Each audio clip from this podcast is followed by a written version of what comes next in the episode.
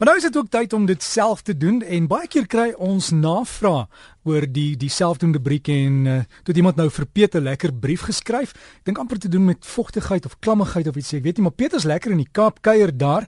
Uh, Piet van die Paint Emporium in Blackheath, Johannesburg. Hallo Piet. Goeiemôre Derek. Hallo luisteraars. Ja, nee, ons kuier baie lekker hier. En 'n brief hier van hierdie kant af ook gekry van Napier af dat hulle het 'n muur en noorde muur wat uh, blootgestel is aan die deurdringende reën en dan slaan dit kolle nat kolle binnekant uit. Hy sê selfs nou dat dit al droog word, pas dit en hy het nou al die borswerings. Dit is nou op Engels die parapet geseël, maar die probleme het teruggekom. Derek en hy sê heeltemal tereg dat hy eers die probleem buite moet aanspreek voordat 'n mens nou binnekant die herstelwerk doen. En uh dit was heeltemal reg natuurlik om daai borswering te seël. Hy het 'n metode van lap en waterdigting gebruik en ek het nou nie veel meer inligting nie, maar uh ek sou voorstel dat hy die borswering aan die binnekant tot op die dak ook so seël met ander woorde tot op die platdak. Hy sê nou nie wat se so dakke het nie, maar moet afgaan in die muur en tot op die dak. En dit is baie belangrik dat nadat mens hierdie membraan nou vasgeplak het, dat 'n mens weer 'n laag of twee van hierdie waterdigting aanverf. Ek persoonlik sou die produk gebruik wat reeds die veseltjie ook in het. Um, omdat dit net 'n eenvoudige dikker laagie vorm en langer beskerming gaan hou. Iets soos Everbond of Plascon se multi-seal maar dan sê hy nou hy merk tereg op dat die kolle aan die binnekant meer aan die bokant van die muur uitslaan. En dit bevestig dan sy vermoede dat hierdie water van bo af of van die muur af deurkom. Hy praat ook van die sementblokke. Nou hierdie sementblokke waarmee mens bou. Dis natuurlik 'n baie ekonomiese manier om te bou, maar Derek, hulle is so poreus. Hulle trek trek water aan soos 'n oop potjie sout hier by die see aantrek. So dit moet geseël word aan die buitekant.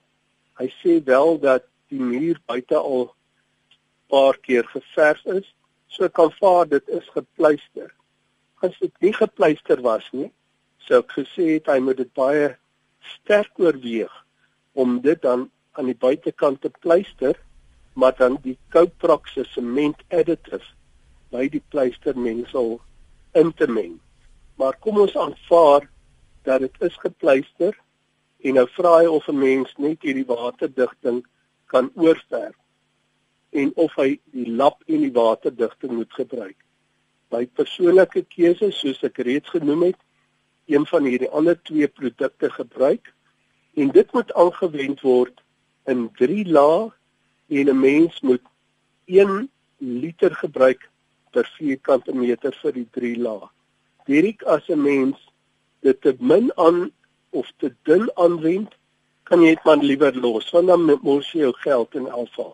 So ek sou voorstel dat hy van hierdie produk gebruik die hele muur aan die buitekant verf eers van bo na onder met 'n kwas dit goed laat droog word dan die volgende laag horisontaal met ander woorde van die linkerkant na die regterkant dit laat droog word en dan weer 'n derde laag van bo na onder en dit sal dan nou keer dat enige water van buite af in hierdie muur inslaan.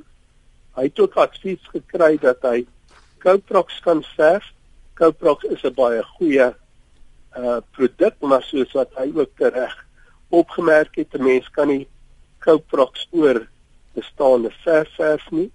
En wat meer is, dit bly 'n sementbasis. Die produk wat ons voorstel is 'n waterbasis.